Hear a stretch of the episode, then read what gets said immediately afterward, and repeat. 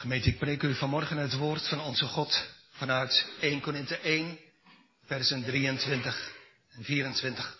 Tekst voor vanmorgen kunt u vinden in het voorgelezen schriftgedeelte, vers 23 en 24 van 1 Korinthe 1, waar staat, doch wij prediken Christus, de gekruisigde. De Joden wel een ergernis en de Grieken een dwaasheid, maar hun die geroepen zijn, beide Joden en Grieken, prediken wij Christus, de kracht Gods en de wijsheid Gods. Tot zover de tekst voor vanmorgen. Het thema voor de preek is de prediking van de gekruisigde Christus. En we letten op drie dingen. Als het gaat om de prediking van de gekruisigde Christus, in de eerste plaats op de ergernis van het kruis.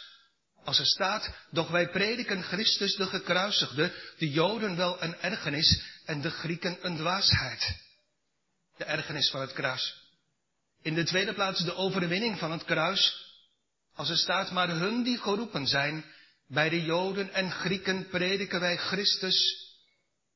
In de derde plaats de roem van het kruis, de kracht Gods en de wijsheid Gods. Dus de prediking van de gekruisigde Christus, de ergernis, de overwinning en de roem van het kruis. Eerst de ergernis van het kruis. In het Bijbelgedeelte wat we gelezen en meegelezen hebben, voel je al lezend een voortdurende botsing. Een voortdurende frictie, een voortdurende tegenstelling als het gaat over twee dingen, namelijk over wijsheid en over dwaasheid. En dat heeft te maken met wat hiervoor staat. Dat stukje wat we niet gelezen hebben, ik hoop daar bij leven en welzijn op terug te komen in het verband van 1 Korinthe 3. Daar gaat het hier over. Over dat gedoe in de gemeente van Korinthe. Over, over welke dominee nou het beste is. Sommigen zeggen Paulus, anderen Apollos. Een derde zegt nee, Cephas. En vierde zegt maar ik ben van Christus. En dat heeft, dat blijkt uit het hele verband te maken met de cultuur, het gedachtegoed, de tijdgeest in de gemeente van Korinthe. Dat hebben ze eigenlijk van huis uit meegekregen. Dat is hen met de paplepel ingegoten wijsheid. Dat is mooi. Als iemand een verhaal vertelt, als iemand een reden houdt, als iemand een preek houdt, ja dan heel graag met hele mooie, diepzinnige woorden om op die manier de, de boodschap over te brengen. Dat is mooi, zeggen ze. Dat is geweldig. Diepzinnig. Wijsgerig. Zeker als wij ondertussen met onze wijsheid ook een beetje mee kunnen denken, welsprekend. Dat is geweldig. Dat zit in de gedachtenwereld, dat zit in de tijdgeest, dat zit in de cultuur van Korinthe. Maar dat wringt, botst. Net als ook in onze tijd. In onze cultuur, in onze gedachten, dingen zitten die ineens kunnen botsen. Met de Bijbel, met het woord, de prediking. Misschien zit dat Corinthische wel ook een beetje in ons denken, in onze tijd, in onze cultuur. Als je denkt, ja, u zegt en u preekt dat het woord van God harten van mensen raakt, doorpriemt, en dan vervolgens oude gedachten en oude verlangens en ideeën afbreekt, zonden ontmaskert, dringt tot berouw en tot bekering, en uiteindelijk uitdrijft naar Christus, de gekruisigde, om door hem gered te worden. Ja, prima. Best eigenlijk. Dat zegt de Bijbel. En dat is uw mening als dominee. Maar ik heb er wel zo mijn eigen gedachten ook over. Maar, zegt God. En zei God in vers 19, 20 en 21. Ik zal die eigen gedachten, die wijsheid van de wijzen doen vergaan. En het verstand van de verstandigen teniet maken. En die eigen wijsheid van de wereld dwaas maken. Want, wat is nu eigenlijk de reden van, van die botsing? Tussen het evangelie aan de ene kant, de boodschap van de Bijbel, en, en de gedachten van ons menselijke hart, van onze wijsheid aan de andere kant. Wat is de reden daarvan?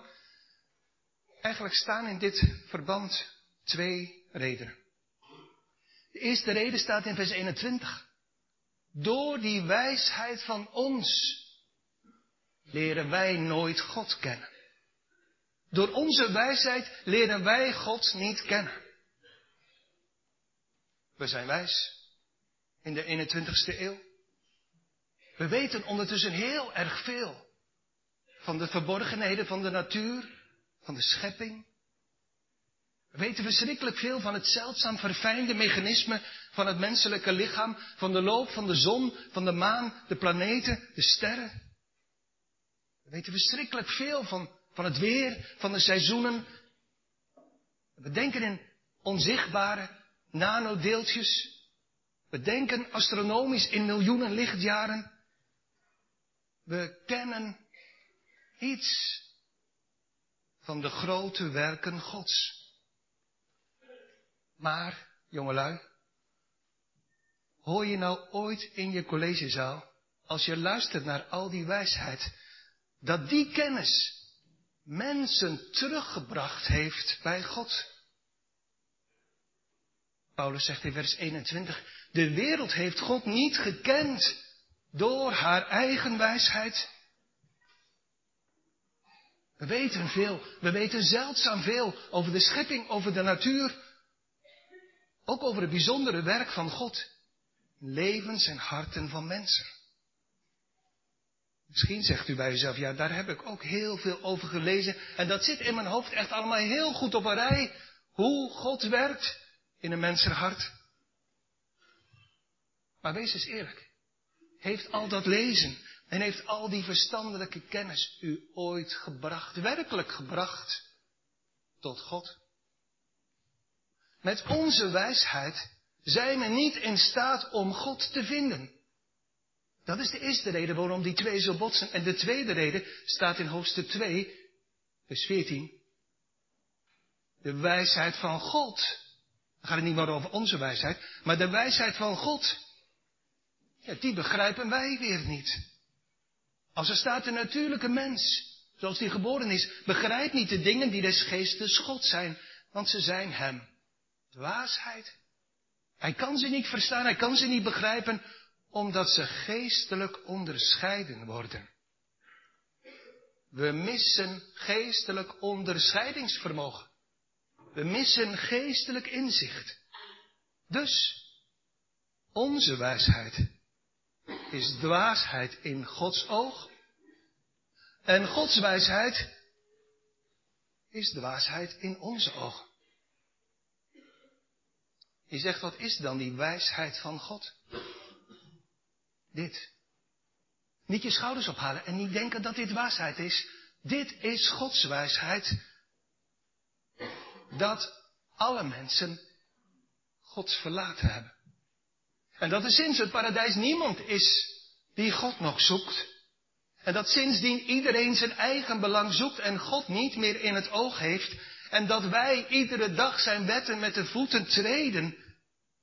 En dat dat alles zo botst met Gods rechtvaardigheid en heiligheid, waardoor onze zonden niet anders dan roepen om de toren en de straf van de rechtvaardige God. Maar Gods wijsheid, Gods genade en liefde bewoog hem.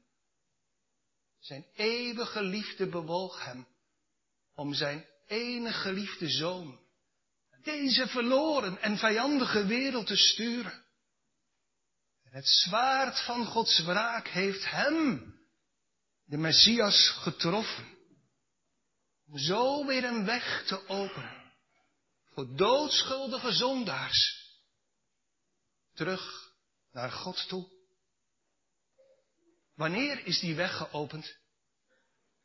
Bij de geboorte in Bethlehem van de Heer Jezus Christus. In zijn leven Vooral aan het eind, toen hij stierf en toen hij opstond.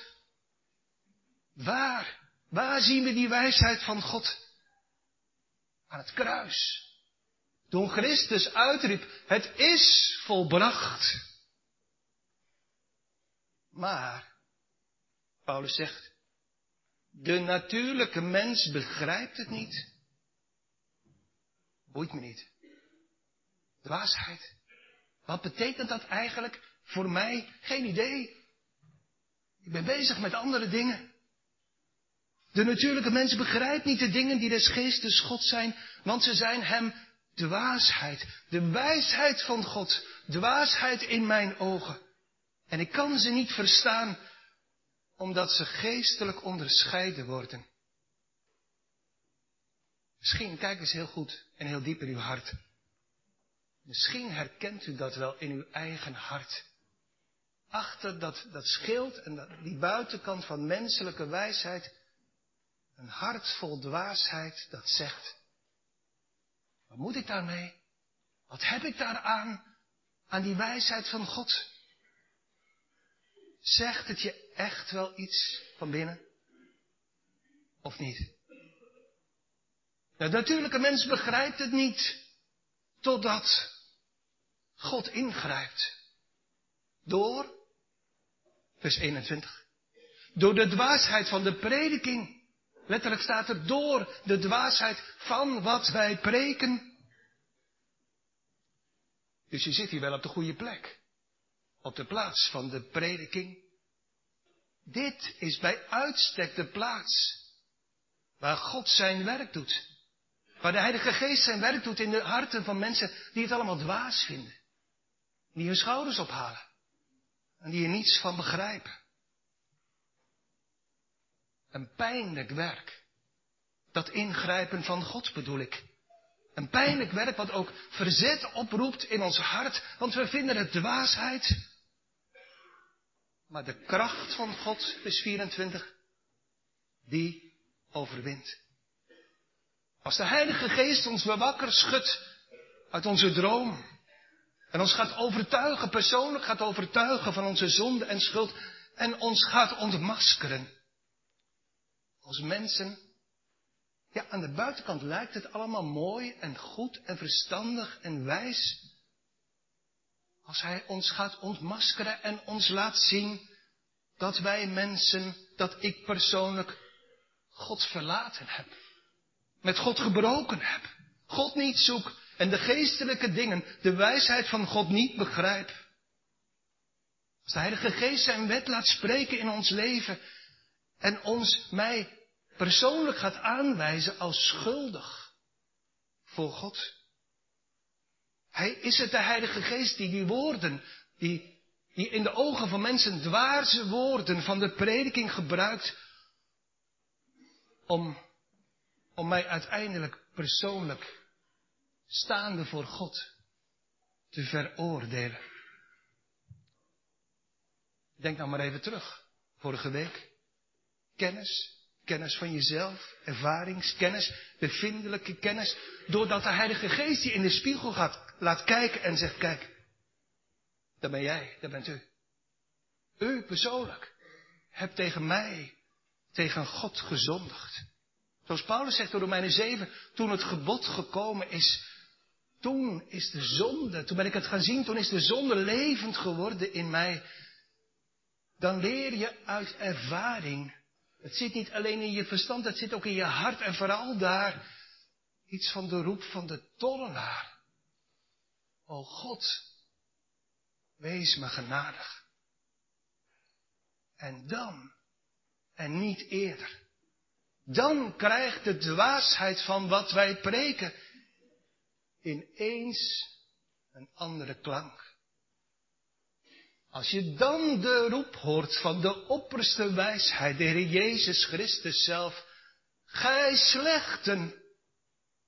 Je zegt, ja Heer, dat ben ik. Gij slechten, hoe lang zult u de slechtheid liefhebben en de spotters herspotten begeren en de zotten wetenschap haten? Keert u tot mijn bestraffing keer terug. Ziet, ik zal mijn geest overvloedig uitstorten en ik zal mijn woorden aan u bekendmaken. Als dan diezelfde Heilige Geest je ogen gaat richten op de gekruisigde. En je wijst, terwijl je bevindelijk iets hebt leren kennen van mij rust de vloek vanwege mijn zonde. Ik ben uw gramschap, Heere, dubbel waard.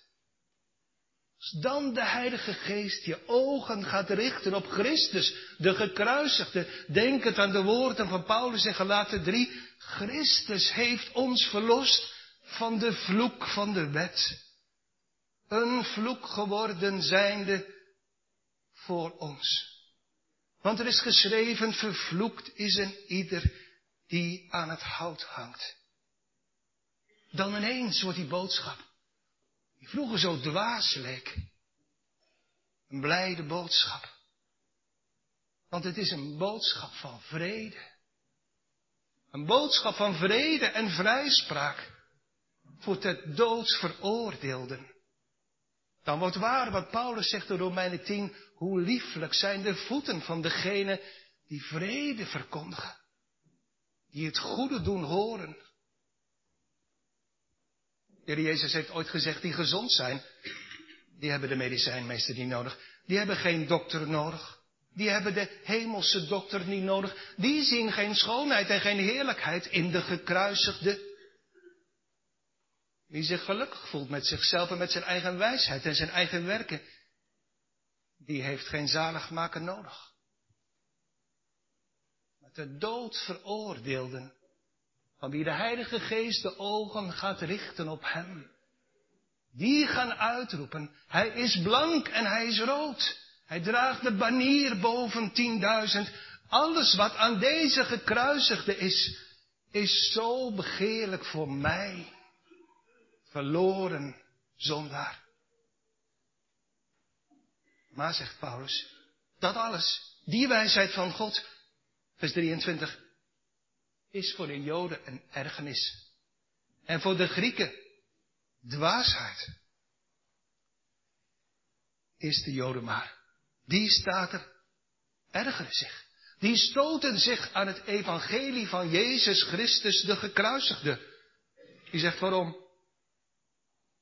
Nou ja, wie gelooft er nou dat de zoon van een timmerman uit Nazareth de Messias is? En daarbij, hij riep het wee uit over de beste, over de meest vrome mensen. Zou de Messias dat echt gedaan hebben? En bovendien, hoe vaak hadden ze hem niet gevraagd om een teken? Kijk maar in vers 22. De Joden begeren een teken. En dat gebeurde ook steeds en weer opnieuw. Zoals bijvoorbeeld staat in Johannes 6. Zij zeiden tot hem, tot Jezus, wat teken doet u dan? Opdat wij u mogen zien en u geloven mogen. Wat werkt u? Doe een teken. En hij schudde nee. Hij deed het niet. En trouwens, wie gelooft er nu in iemand die een vervloekte kruisdood gestorven is? Een door God vervloekte dood? Die gedachte die prediking was en is nog steeds de ultieme vernedering voor een zogenaamd goed en godsdienstig hart. Voel maar eens even mee in uw eigen hart, dan doe ik dat ook. Voel wat er gebeurt als je hierover nadenkt. Een zaligmaker die de vervloekte kruisdood moest sterven. Daar voel je, voel eens goed in je hart, in uw hart, van nature een diepe ergernis tegen. Dat botst hier ergens van binnen. Dat roept verzet, dat roept weerstand op, want daar zit een boodschap achter. Als de zaligmaker voor mij de vervloekte kruisdood moest sterven, dan ja, denk maar even logisch na. Dan had dat mijn lot moeten zijn. Dus hem kennen, hem erkennen en beleiden, Christus de gekruisigde, betekent dat je moet erkennen en beleiden, Heere, de vloek ligt op mij. En dat doet zeer, dat steekt, dat wil ik niet, daar stoot ik me aan. Waarom? Paulus zegt, in Romeinen 9. Omdat wij, u, ik, de zaligheid, het herstel met God Niet zoeken uit het geloof in Christus de gekruisigde, maar, en dan komt het heel dicht weer bij ons, uit de werken der wet. Daarom stoten we ons aan de steen des aanstoots en de rots der ergernis, want zeggen we en denken we, we hadden dat liever zelf gedaan. We hadden liever zelf op onze eigen manier, met onze goede werken, de zaligheid verdiend. Want ik ben toch netjes. Ik doe toch mijn best. Ik bid, ik lees in de Bijbel, ik houd stille tijd, ik houd me aan de regels. Ik had het liever zelf gedaan. Trouwens, daarin lijken Joden en Grieken sprekend op elkaar. Is ook niet voor niks dat Paulus ze in één adem noemt. Als hij zegt de Joden is het een ergernis en de Grieken een dwaasheid op één hoop. Precies hetzelfde. Het evangelie van Jezus Christus, de gekruisigde, is, we hebben de Joden gezien, nu de Grieken, de Grieken, dwaasheid. Een woord wat vijf keer wordt gebruikt in dit verband. Dwaasheid, zeggen de Grieken. Waarom zeiden de mensen in Korinthe toen en waarom zeggen heel veel mensen nu dat evangelie dat? Dat is dwaas. Het is te gek voor woorden. Waarom? Het is zo onlogisch als je erover denkt. Praten over redding van dood en hel door de dood van één Joodse man. Maar dan ook nog wat hij zei. Voel maar in je hart hoe dat botst met, met onze eigen wijsheid.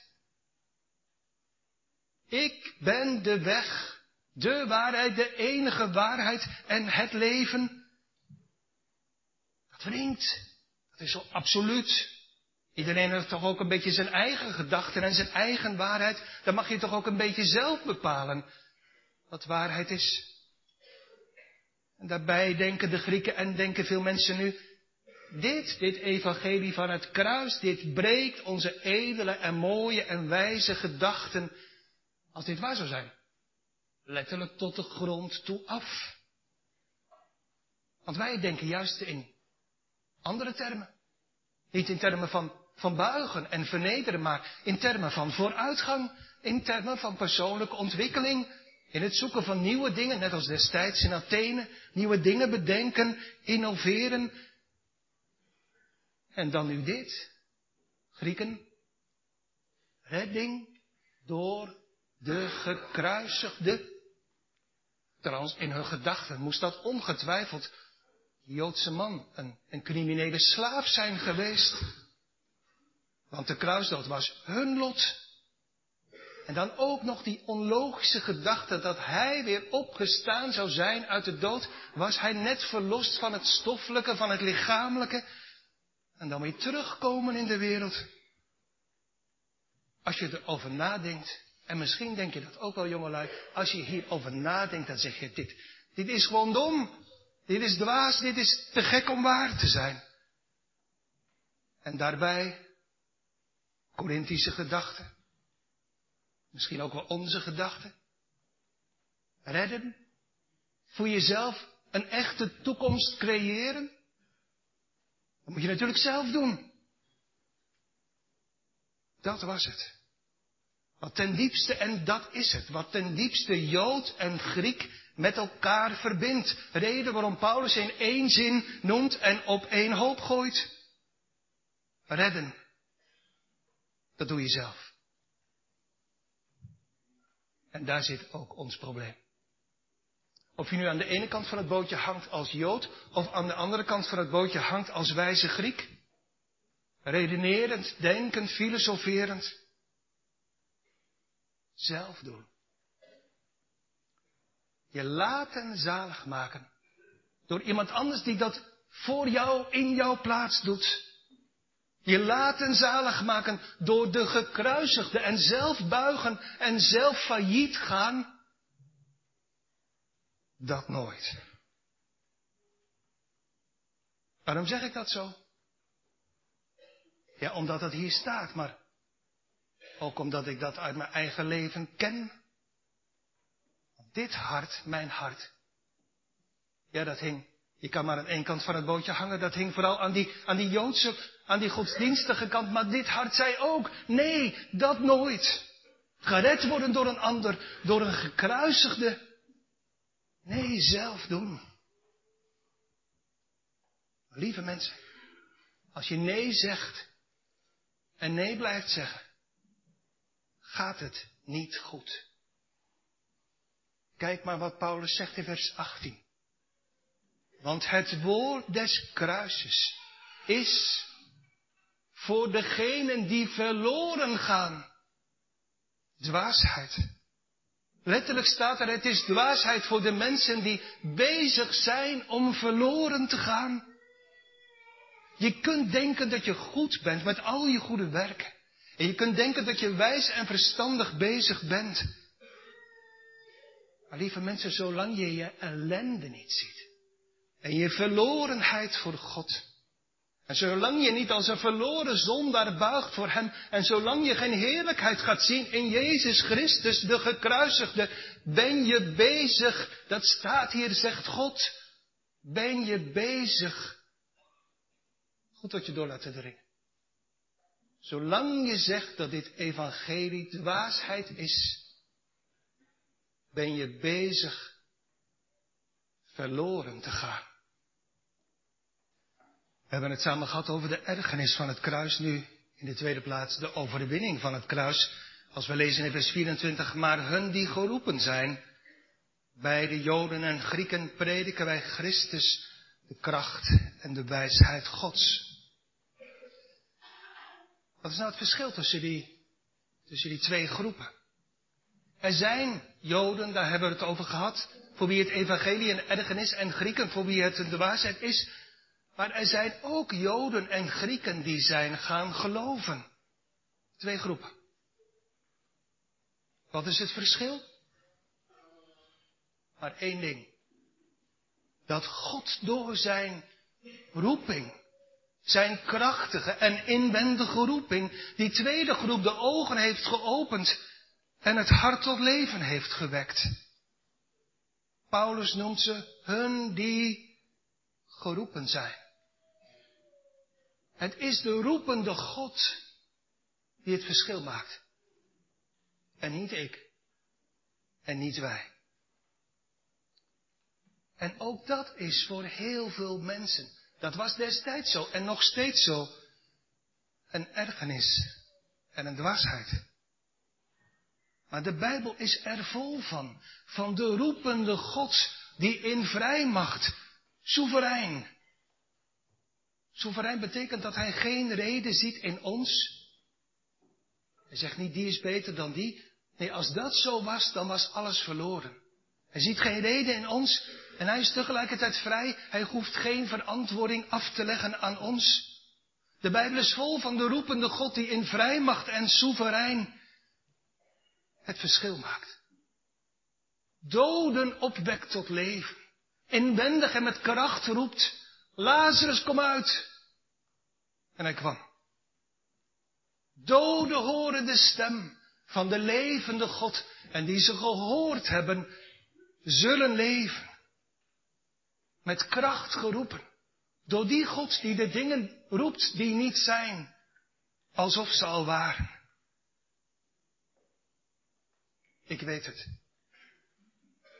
Dat wringt ook in ons hart. Dat botst ook met ons denken. En dat roept ook ergernis op als je denkt dat je zelf op het goede spoor bent.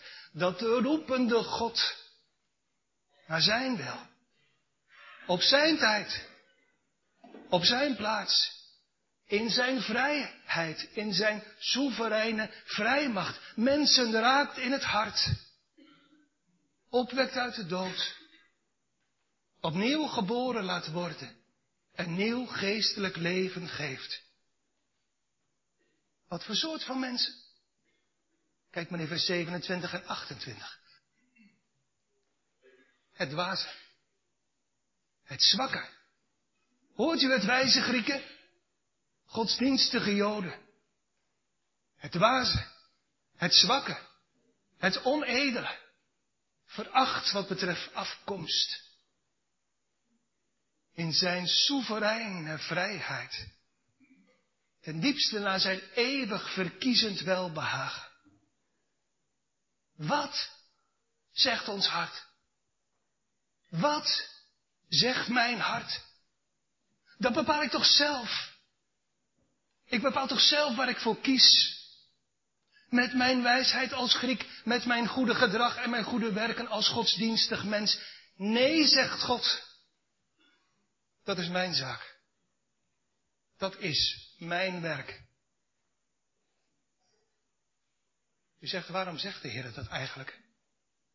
Terwijl hij het ondertussen toch, want dat is ook waar, heel echt meent. Als hij ons van harte en met heel veel liefde en bewogenheid roept. Tot de zaligheid door het evangelie van het kruis. Waarom zegt de Heer dit? Had hij toch ook verborgen kunnen laten? Waarom? Dat zie je in vers 29. Opdat geen vlees, geen zondig mens, Grieks of Joods, zou roemen, letterlijk staat er, zou roemen in zijn gezicht tegen hem. Dus waarom? Om ons hoogmoedige hart te vernederen.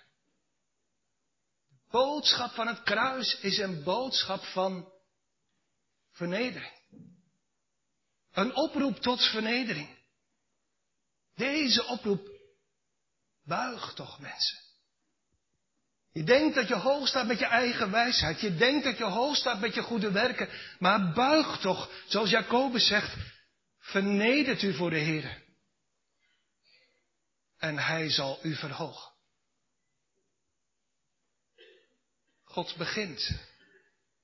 Zijn mensen roept uit de duisternis tot zijn wonderbaar licht met dit. Onze hoogmoed en trots te vernederen. Al dat intellectuele kennen en kunnen en redeneren, waarmee we dachten dat het uiteindelijk wel goed zou komen. Eén grote toren van Babel, die nooit tot in de hemel zal reiken.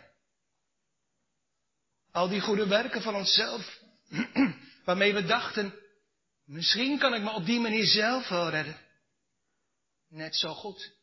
Eén grote heidense toren van Babel, nooit hoog genoeg om in de hemel te komen. Er is geen weg door hoger en hoger te klimmen. In goed doen, in denken, in wijsheid. Dit is de weg. God roept mensen. Waar? Hier vooral. In de kerk onder de prediking. Daarom is het goed dat we hier zijn. Hoe roept God? Met kracht levenwekkend. Hij breekt onze hoogmoed. U zegt dat doet pijn. Ja, dat klopt. Dat doet heel veel pijn. Maar het heeft een goed doel. Hij breekt onze hoogmoed zodat we voor Hem gaan buigen. En we gaan leren en ervaren dat inderdaad het evangelie van het kruis alles van ons afbreekt. Vertrouwen op ons eigen kennen, op ons eigen kunnen, ons eigen redeneren, ons eigen doen en laten, op onze eigen wijsheid. We leren iets kennen van. Ja, dat is moeilijk om dat te zeggen van jezelf, maar dat is het werk van de Heilige Geest. Hij leert ons iets te kennen van onze dwaasheid, van onze machteloosheid, van onze schuld voor God. Hij leert ons iets kennen van onszelf. Wat ik vorige week bedoelde toen het ging over bevindelijke kennis van wie ben ik tegenover God. En dan zeg je eerlijk, Heere, ik heb die straf, die vloek verdiend. Dit is onze gewenste richting. Omhoog, beter, slimmer, wijzer. Dit is de richting van Gods werk, vers 28. Wat iets is, die denkt iets te zijn, te niet maken. Laten buigen. De gekruisigde Christus vernedert me. Want als ik Hem zie hangen aan het kruis, dan moet ik zeggen en beleiden.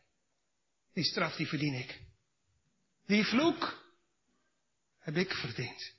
Onder die toren van God waaronder hij zucht en buigt. Onder die toren had ik moeten vergaan. Zo diep had ik moeten buigen. Zo zwaar had ik moeten lijden. Het evangelie van het kruis. En daarom botst het en wringt het van binnen. Vernedert ons mensen op het diepst. Dieper kan het niet. Wie denkt dat het evangelie van Jezus een feestje is wat je met beide armen kan omvangen, die heeft er helemaal niets van begrepen. Ik ben er. Ja, ik heb het echt over mezelf, maar ik zeg het ook tegen u. Ik ben er van nature een vijand van. Want ik wil blijven staan. Ik wil niet vernederd worden. Ik wil niet buigen.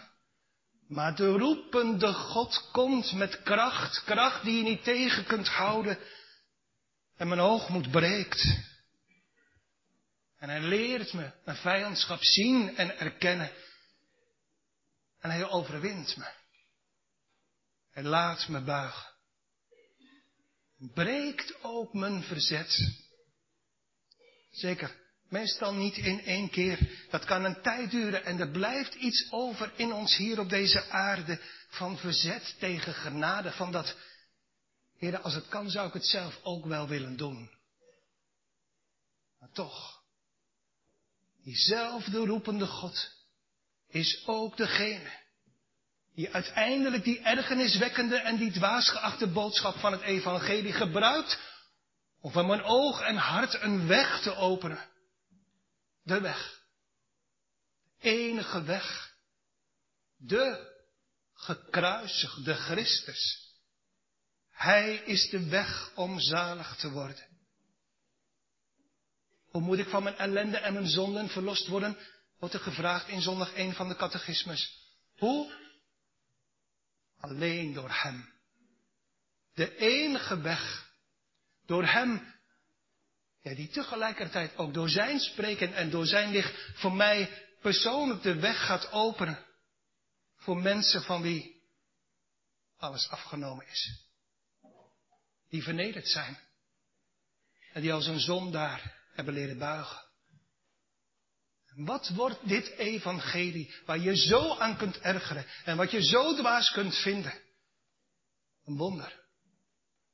Een wonder van Gods wijsheid als je in de nacht van je zonde overtuiging iets gaat zien, misschien ver weg of dichterbij, van Jezus Christus, de gekruisigde. En zijn roep gaat horen zoals ik straks zei. Wie is slim? Wie is wijs? Wie is goed? Nee. Oh, wat klinkt dit als hemelse muziek in een donker en van de zonde overtuigd hart. Wie is slecht? Ja, Heer, dat ben ik. Die keerde zich herwaarts en kom slechten tot mij. Het zijn zondaars die werkelijk iets hebben leren zien en leren kennen, niet alleen met hun verstand, maar met hun hart van hun zonde en schuld, voor wie Christus de gekruisigde, die de vloek wilde dragen in plaats van de zijne, zo gaat schitteren en glinsteren in zijn wonden. Zien ze de schittering van zijn zondaarsliefde, van zijn liefde voor het verlorene voor vermoeiden en belasten. Hij wordt voor hen die dodelijk geraakt zijn door het woord van de roepende God. De verhoogde koperen slang. De weg tot redding, tot behoud. Voor hen die geroepen zijn, wordt Christus, en dat brengt mij bij het derde punt tot slot, de gekruisigde, de kracht en de wijsheid van God. Ons derde punt, de roem van het kruis. Ja, want als je met wereldse wijsheid, met je eigen wijsheid denkt, moet je zeggen, zou je denken, de gekruisigde, dat, dat is een verliezer. Ja, dat is menselijke wijsheid. Maar de wijsheid van God zegt, Hij is de kracht en de wijsheid van God. De kracht van God. Niet tegen te houden. Hoeveel verzet en ergernis er ook in je hart is. Onwederstandelijk. Niet buiten de deur te houden als hij binnen wil komen. De kracht Gods. Wij hebben aan het Griekse woord, ons eigen woord, dynamiet ontleend. Aan het Griekse woord dynamis. Ons woord dynamiet duidt iets aan van ja, iets wat alles verwoest en met de grond gelijk maakt. Maar het oorspronkelijke Griekse woord duidt meer op een kracht die alles overwint, alles in bezit neemt, alles gaat controleren. Ja, zeker dat ook. Een kracht die mijn eigen kracht en vertrouwen op mezelf afbreekt en opblaast. Tegelijkertijd is het een kracht van God die alles onder de macht, onder de kracht, onder de invloed brengt van Hem, de gekruisigde. Jezus, de verachte gekruisigde, is voor de kinderen van God in Korinthe, voor hen die geroepen zijn, de kracht Gods en in de tweede plaats de wijsheid Gods. Er staat niet, Hij is wijs. Er staat, Hij is de wijsheid Gods. Zoals je ook bij een beroemd schilderij, de nachtwacht bijvoorbeeld, in het Rijksmuseum kunt zeggen, dat is Rembrandt. Zo ook hier. Zich ergerende Joden, trotse Grieken, ze buigen, geraakt door het woord van de roepende God, geweld, geveld, overwonnen door de gekruisigde. En zou je zeggen, wie dat tafereel van dat schilderij ziet, die... Nee, zo is het niet. Het is anders. Wie de gekruisigde zelf ziet, gehangen aan het kruis, met een bloedend hart vanwege liefde tot zondaars, die zegt dat is de wijsheid Gods. Die zichzelf heeft leren kennen als een verlorene. En die met een veroordeeld hart staat voor God. En wie dan denkt aan de grote architect van het plan van de zaligheid, de drie enige God, die dat plan heeft uitgetekend in de stille eeuwigheid, uitgevoerd heeft in de tijd, geboren in Bethlehem, gehoorzaam tot de dood, ja de dood van het kruis. En wie dan denkt bij zichzelf aan dat wonderlijke werk van God de Heilige Geest, ondanks al mijn weerstand en verzet, toch wakker geschud uit mijn geestelijke dood. Ja, wie de gekruisigde zelf ziet, gestorven en begraven. Opgestaan, zittend aan de rechterhand van God. Die kan niet anders dan uitroepen, Hij is veel schoner dan de mensenkinderen. De gekruisigde draagt de banier boven tienduizend. Alles wat aan hem is, is gans begeerlijk, is zo aantrekkelijk voor mijn verloren ziel. Hij in wie al Gods deugden verheerlijkt zijn. Genade, heiligheid, rechtvaardigheid, barmhartigheid. Die moet wel uitroepen als je zo ziet op God en zijn werk. Dit is de wijsheid Gods. Dit is de volle aanwezigheid. Dit is de volle presentie van de wijsheid, van de heerlijkheid, van de eer en glorie van God zichtbaar Oh, wat kan je daaraan ergeren? Oh, wat kan dat dwaas zijn in je ogen? Zichtbaar in de gekruisigde. Het kruis roemt in God. En schakelt ons volledig uit.